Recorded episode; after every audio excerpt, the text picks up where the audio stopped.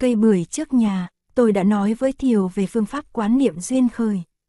Thiều cũng biết tất cả các phương pháp quán niệm trong đạo Phật đều phải được xem là phương tiện mà không phải cứu cánh hay chân lý tuyệt đối.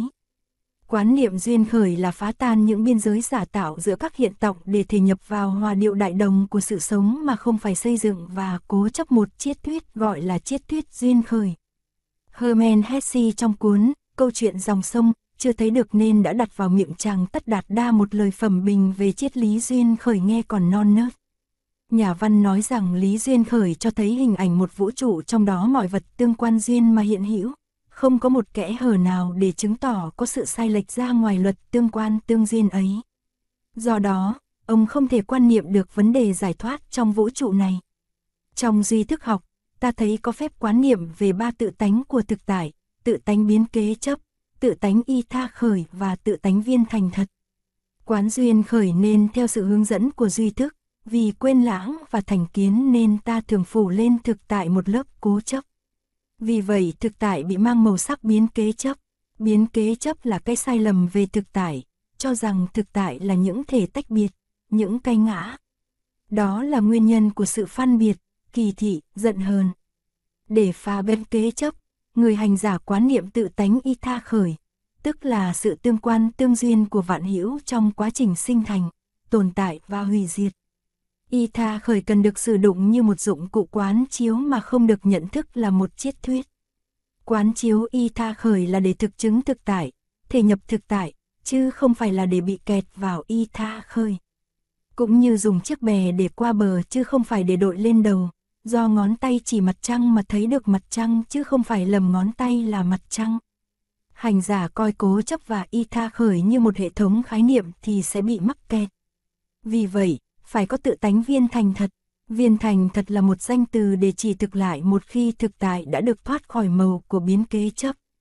Viên thành thật có nghĩa là thế này, thực tại là thực tại, siêu việt khái niệm. Bất cứ khái niệm nào cũng không thể miêu tả được nó, dù cho nó là khái niệm y tha khởi. Cho chắc hơn, duy thức đề ra tam vô tánh để trung hòa tam tự tánh, tránh cho người học đạo không mắc kẹt vào ba tự tánh. Tinh hoa của Đại Thừa là ở chỗ ấy. Khi mà thực tại hiển hiện trong tự tánh viên thành thật của nó thì người hành giả đạt được thứ nhận thức gọi là vô phân biệt trí. Nhận thức ở đây là sự cảm thông màu nhiệm trong đó không có sự phân biệt chủ thể và đối tượng. Như tôi đã nói với Thiều một lần rồi, đây không phải là một cái gì xa xôi đâu Thiều. Bất cứ ai trong chúng ta có thực tập chút ít đều có thể nếm được mùi vị. Trên bàn tôi có một sấp hồ sơ cô nhi, Mỗi ngày tôi dịch một ít phụ với các bạn. Khi khởi đầu dịch một hồ sơ, tôi nhìn vào tấm hình em bé và tự nhiên những nét mặt của em gợi nhiều hình ảnh về bản thân tôi và sự liên hệ giữa tôi với các em khiến tôi đi vào một sự cảm thông rất mầu nhiệm. Bây giờ viết những dòng này, tôi thấy rằng trong giờ phút cảm thông ấy, tôi đã dịch những dòng chữ trong hồ sơ với tâm trạng không phân biệt. Tôi không thấy có tôi là người dịch hồ sơ giúp cho em bé, tôi không thấy có em bé là đối tượng của sự thương yêu và giúp đỡ. Em bé và tôi lúc ấy là một, không có ai thương ai, không có ai nhờ ai, không có ai giúp ai. Không có bổn phận cũng không có công tác, không có từ bi, không có ba la mật. Cái giờ phút cảm thông đó, nếu chẳng là một tia sáng của vô phân biệt trí thì còn là gì nữa hả thiêu. Khi thực tại hiển hiện trong tự tánh viên thành thật của nó thì cây bưởi trước nhà cũng biểu hiện tự thân của nó một cách toàn vẹn. Cây bưởi lúc bấy giờ là chân như, là Phật tánh, là thực tại, là mình.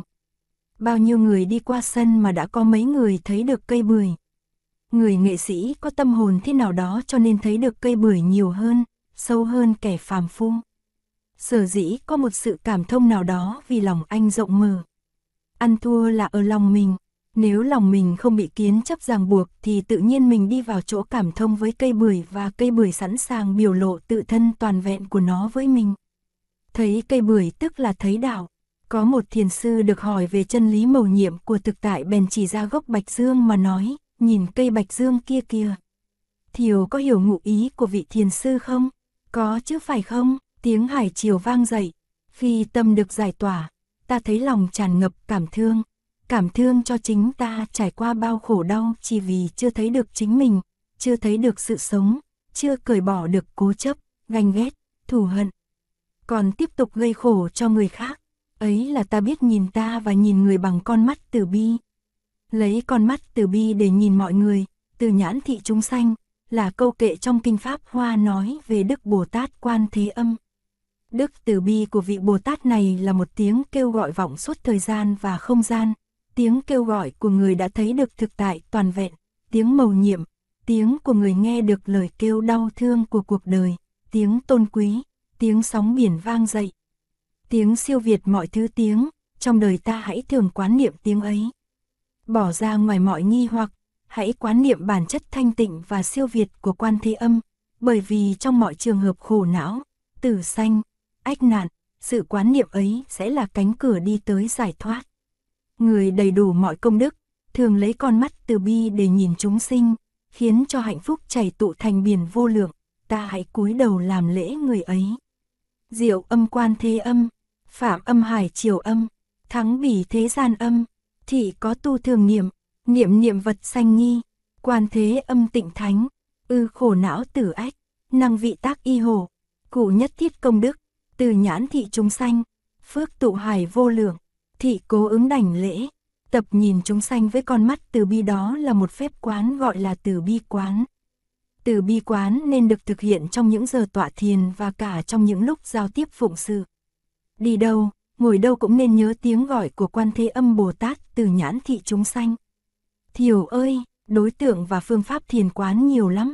Trong kinh hệ Pali gọi là Kamathana, nhưng tôi sẽ không viết hết được cho Thiểu và các bạn đâu. Tôi đã chỉ viết một vài phương pháp giản lược nhưng căn bản. Người tác viên cũng như mọi người, anh phải sống đời sống của anh, chị phải sống đời sống của chị. Làm việc chỉ là một phần của sự sống, làm việc trong chánh niệm mới là sống, mới khỏi bị liệt vào hàng, sống như một người chết.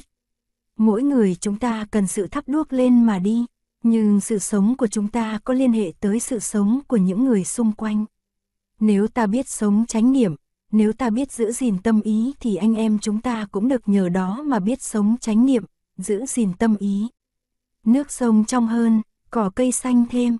Thiểu ơi, có một lần Đức Mâu Ni nói vấn đề sống chết là vấn đề chánh niệm. Còn hay mất là do có chánh niệm hay không? Trong kinh, Samyutta Nikaya 47.20 ngài kể chuyện xảy ra trong một làng kia. Một phụ nữ hoa hậu vừa tới trong làng và dân chúng đổ xô đi xem chật đường chật ngõ. Lúc đó có một tên tử tội được áp giải đi ngang qua làng. Tên tử tội được lệnh phải nâng trong hai tay một bát dầu đầy tới miệng chén. Anh ta phải giữ ý tứ, nếu dầu trong chén sóng sánh rơi xuống đất một giọt là tên lính di sau sẽ lấy mã tấu chém đầu tức khắc, bởi vì nhà vua đã ra lệnh cho hắn như vậy. Kể đến đây, Đức Thế Tôn hỏi, này các thầy, trong trường hợp đó người tử tội có thể dễ dàng được không? Anh ta có thể để tâm ý đi lang bang tới người khác và không chú ý gì tới chén dầu và sự có mặt của nam nữ trong làng đang đi chật đường chật ngõ, có thể xô đụng anh ta bất cứ lúc nào không? Có một lần Phật kể chuyện sau đây khiến tôi thấy được tất cả sự quan trọng của việc thực tập chánh niệm nơi tự thân mình. Nơi tự thân mình nghĩa là mình lo phận mình chứ đừng lo rằng người khác không chịu thực tập như mình, rồi sanh lo lắng và trách móc. Phật nói, có thầy trò một nhà kia làm nghề mãi võ. Người đàn ông quá vợ và người học trò là một cô gái nhỏ tên là Meda Catholica.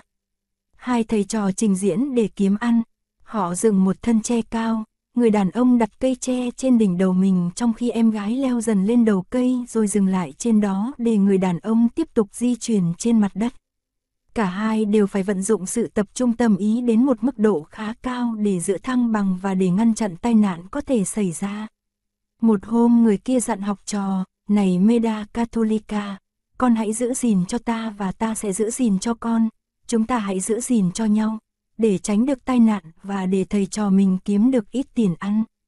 Đứa bé gái vốn thông minh trả lời rằng, thưa thầy, có lẽ ta nên nói thế này đúng hơn, trong hai thầy trò ta mỗi người nên tự gìn giữ lấy mình, giữ gìn lấy mình tức là gìn giữ cho nhau tránh được tai nạn và để thầy trò mình kiếm được ít tiền ăn cơm.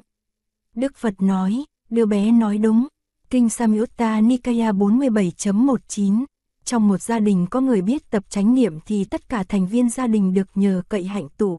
cả gia đình nhờ sự có mặt của một người sống trong chánh niệm mà được nhắc nhở rằng mình cũng phải sống trong chánh niệm.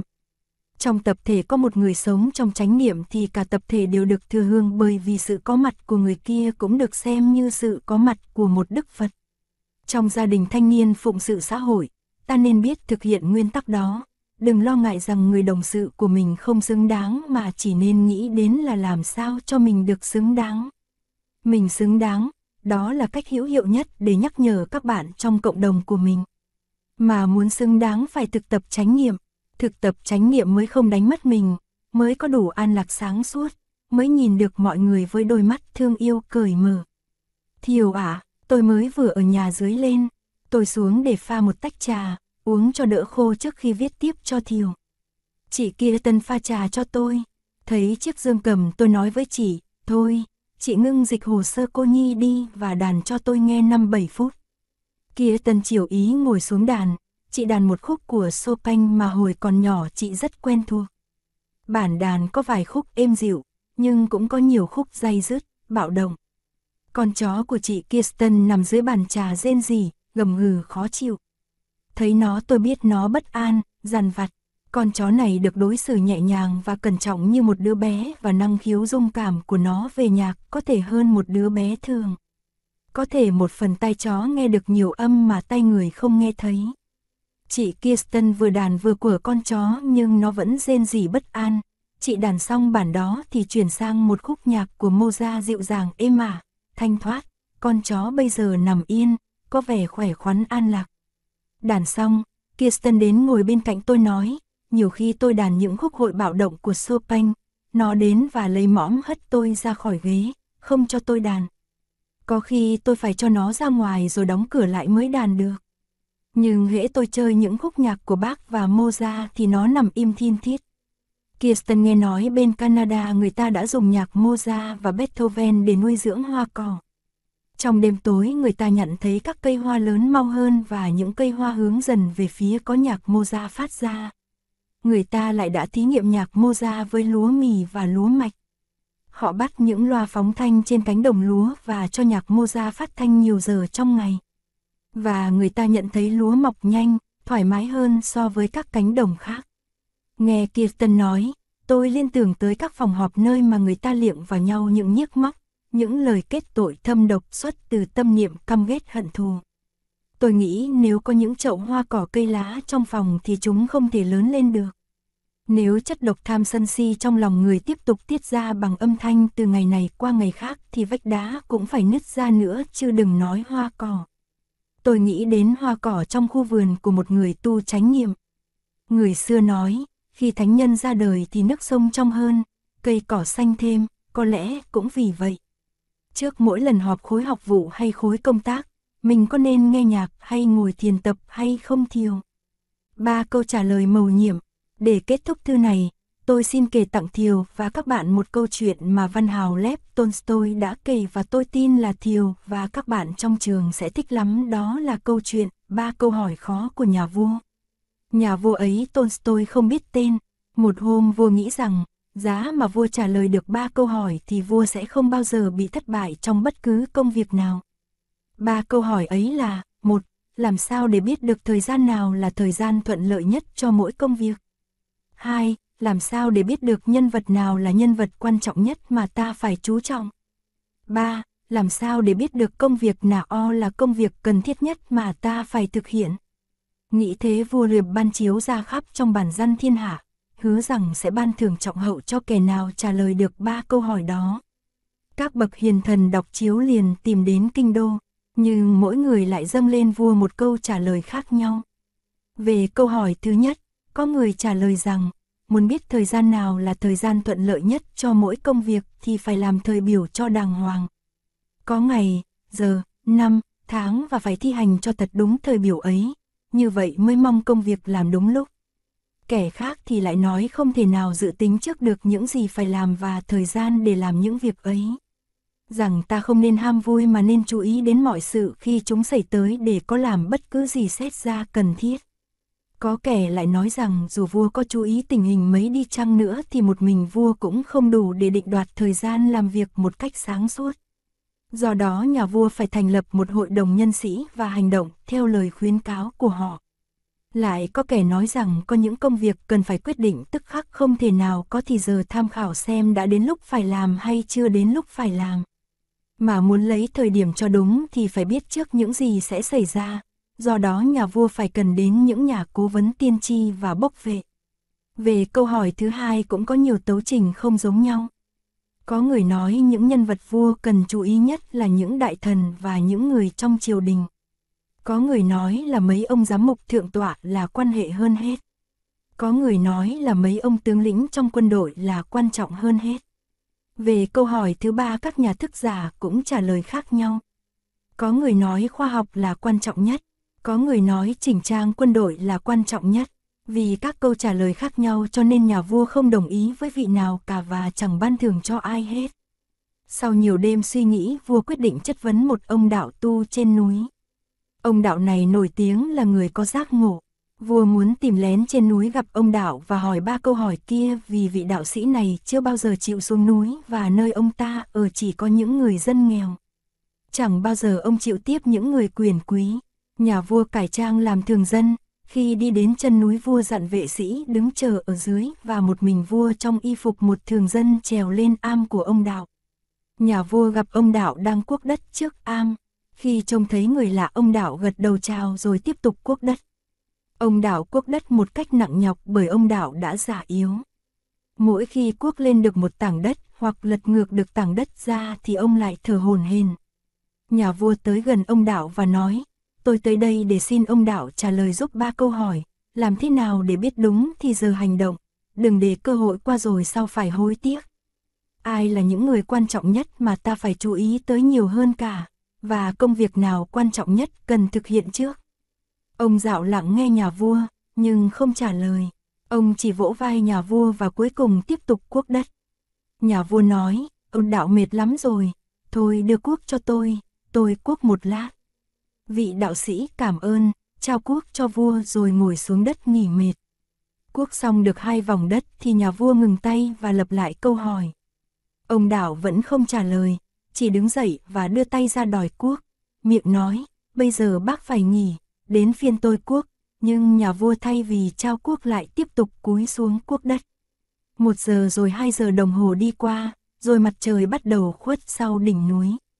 Nhà vua ngừng tay, buông cuốc và nói với ông đạo, tôi tới để xin ông đạo trả lời cho mấy câu hỏi. Nếu ông đạo không trả lời cho tôi câu nào hết thì xin cho tôi biết để tôi còn về nhà.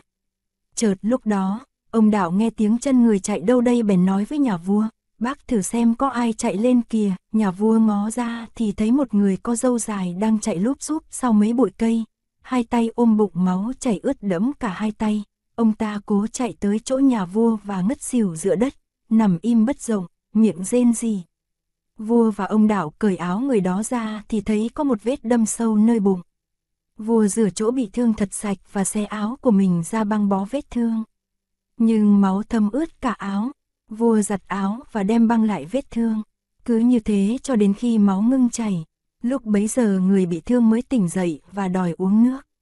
Vua chạy đi múc nước suối cho ông ta uống. Khi đó mặt trời đã khuất núi và bắt đầu lạnh. Nhờ sự tiếp tay của ông đạo, nhà vua khiêng người bị nạn vào trong am và đặt nằm trên giường của ông đạo. Ông ta nhắm mắt nằm im, nhà vua cũng mệt quá vì leo núi và cuốc đất cho nên ngồi dựa vào cánh cửa mà ngủ thiếp đi. Vua ngủ ngon cho đến nỗi khi nhà vua thức dậy thì trời đã sáng và phải một lúc lâu sau vua mới nhớ được là mình đang ở đâu và đang làm gì. Vua nhìn về phía giường thì thấy người bị thương cũng đang nhìn mình tròng chọc, hai mắt sáng trưng. Người đó thấy vua tỉnh giấc rồi và đang nhìn mình thì cất giọng rất yếu. Xin bệ hạ tha tội cho thần, vua đáp, ông có làm gì nên tội đâu mà phải tha. Bệ hạ không biết hạ thần nhưng hạ thần biết bệ hạ. Hạ thần là người thù của bệ hạ. Hạ thần đã thề sẽ giết bệ hạ cho bằng được, bởi vì ngày xưa trong chinh chiến bệ hạ đã giết mấy người Anh và còn tịch thu gia sản của hạ thần nữa. Hạ thán biết rằng bệ hạ sẽ lên núi này một mình để gặp ông đạo sĩ nên đã mai phục quyết tâm giết bệ hạ trên con đường xuống núi. Nhưng đến tối mà bệ hạ vẫn chưa trở xuống, nên hạ thần đã rời chỗ mai phục mà đi lên núi tìm bệ hạ. Hạ thần lại gặp bọn vệ sĩ, Bọn này nhận mặt được hạ thần cho nên đã súng lại đâm hạ thần. Hạ thần trốn được, chạy lên đây, nhưng nếu không có bệ hạ thì chắc hạ thần đã chết vì máu ra nhiều quá. Hạ thần quyết tâm hành thích bệ hạ mà bệ hạ lại cứu sống được hạ thần, hạ thần hối hận quá. Giờ đây nếu hạ thần còn sống được thì hạ thần nguyện làm tôi mọi cho bệ hạ suốt đời và hạ thần cũng sẽ bắt các con hạ thần làm như vậy. Xin bệ hạ tha tội cho thần, thấy mình hòa giải được với kẻ thù một cách dễ dàng, nhà vua rất vui mừng. Vua không những hứa tha tội cho người kia mà còn hứa sẽ trả lại gia sản cho ông ta và gửi ngay thầy thuốc cùng quân hầu tới săn sóc cho ông ta lành bệnh. Sau khi cho vệ sĩ khiêng người bị thương về, nhà vua trở lên tìm ông đạo để chào. Trước khi ra về vua còn lập lại lần cuối ba câu hỏi của vua. Ông đạo đang quỳ gối xuống đất mà gieo những hạt đậu trên những luống đất đã cuốc sẵn hôm qua. Vị đạo sĩ đứng dậy nhìn vua đáp, nhưng ba câu hỏi của vua đã được trả lời rồi mà. Vua hỏi trả lời bao giờ đâu nào? Hôm qua nếu vua không thương hại bần dạo già mà ra tay quốc đi em mấy luống đất này thì khi ra về vua đã bị kẻ kia mai phục hành thích mất rồi và nhà vua sẽ tiếc là đã không ở lại cùng ta. Vì vậy thời gian quan trọng nhất là thời gian vua đang quốc đất, nhân vật quan trọng nhất là bần đạo đây và công việc quan trọng nhất là công việc giúp bần đạo.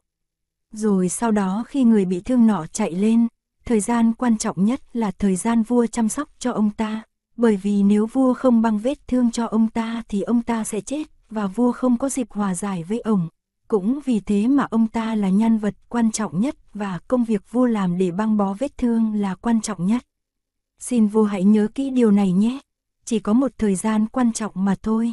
Đó là thời gian hiện tại, là giờ phút hiện tại, giờ phút hiện tại quan trọng bởi vì đó là thời gian duy nhất trong đó ta có thể làm chủ được ta.